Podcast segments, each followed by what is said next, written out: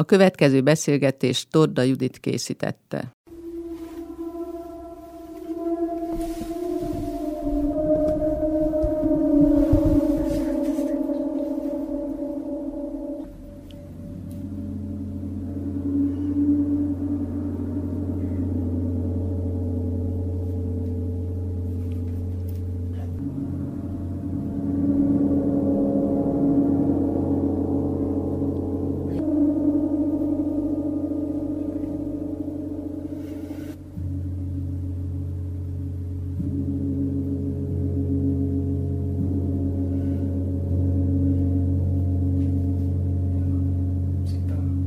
Bizonyára elgondolkodnak rajta, hogy vajon mi lehet ez a furcsa hang, hogy ne töprengjenek sokáig, elárulom, ez a bálnák hangja. Nagyon nagy szerepet játszik az ember életében a hang, de hogy mire használják ezeket a hangokat, mivel állítják elő, ezt megtudhatjuk a Szerhang Egyesület tagjaitól. Hangterápiával foglalkoznak. Kik is ők?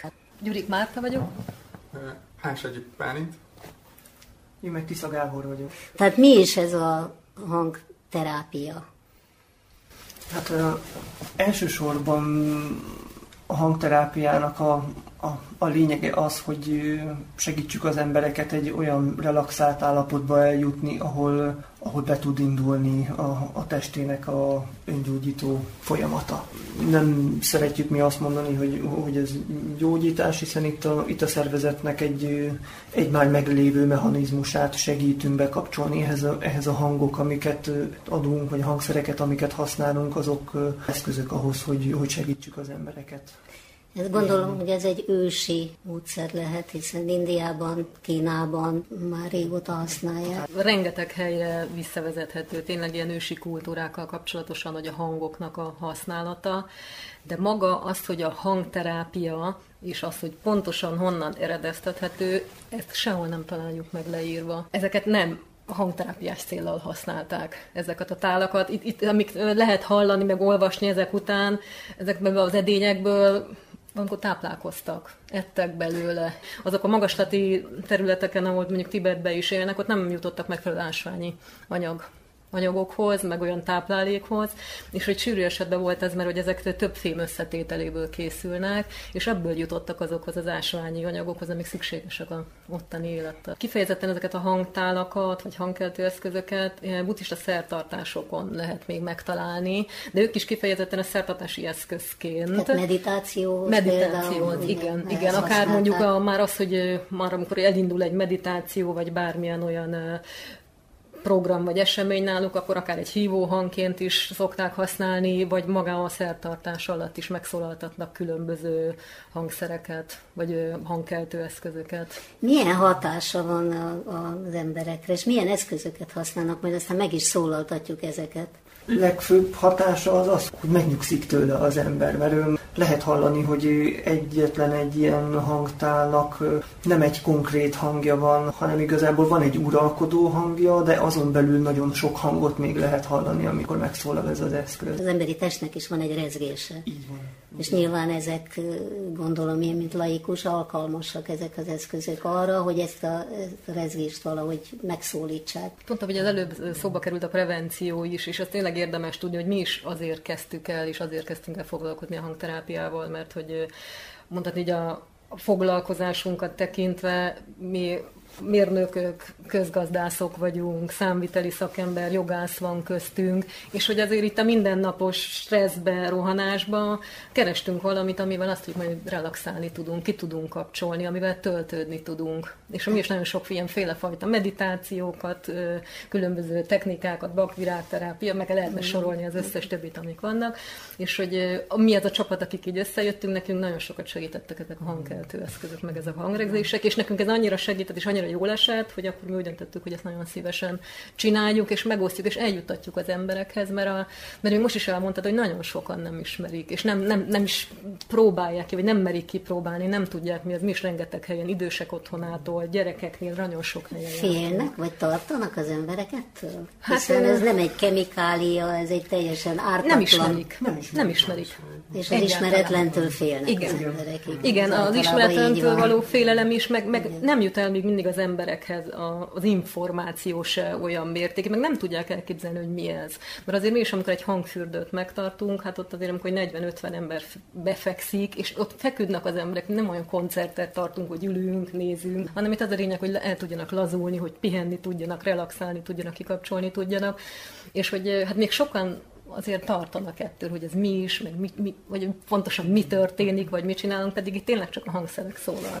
Ugye mélyebb hangok azok egy picit lassítják, nyugtatják az embereket, a magasabb hangok egy picit jobban töltik, picit jobban stimulálják, jobban, jobban felpörgetik, akkor ezt úgy hozzáválogatjuk, hogyha tudjuk, hogy most egy jó altató programot tartunk, akkor sokkal több mélyebb hangszert viszünk. Hallgassunk meg egy-két hangot. Ez egy henger alakú dolog, nekem a szélcsengőhöz hasonlít. Ebből is van többféle fajta hangolás. Hogy hangolják fel ezeket? Ezekben ha ilyen ezüstözött rudak kis vannak benne, benne, különböző Aha. nagysággal, és ahogy hozzáér ez a kis műanyag kör alakú, az adja ki a hangot. Igen. Igen. Tehát ez egy fahenger, amiben belelógatnak különböző fém, fémrudakat. Fémrudak, és, és akkor ennek a most... ingaszerű üveges, műanyagos dolog pöccinti meg ezeket a rudakat, és úgy szólal meg.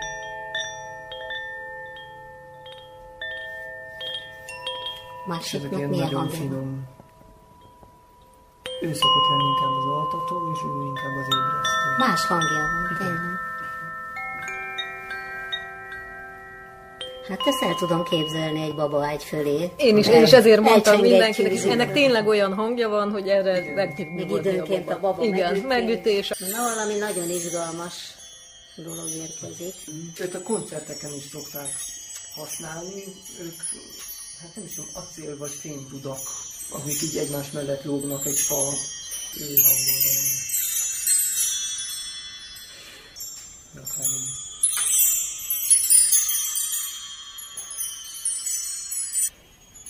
Na nézzük akkor a hangtálakat.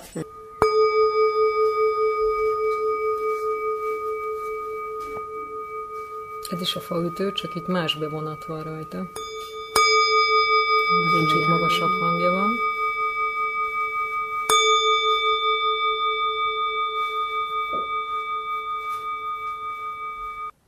Egy kicsit nagyobb.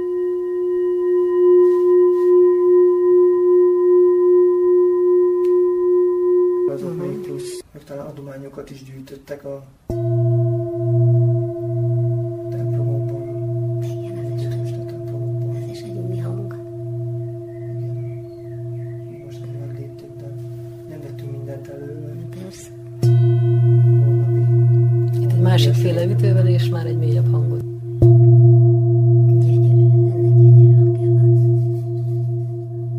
akkor vannak itt cintányérok, azokat felismerem, meg nagy bőrbevonatos dobok.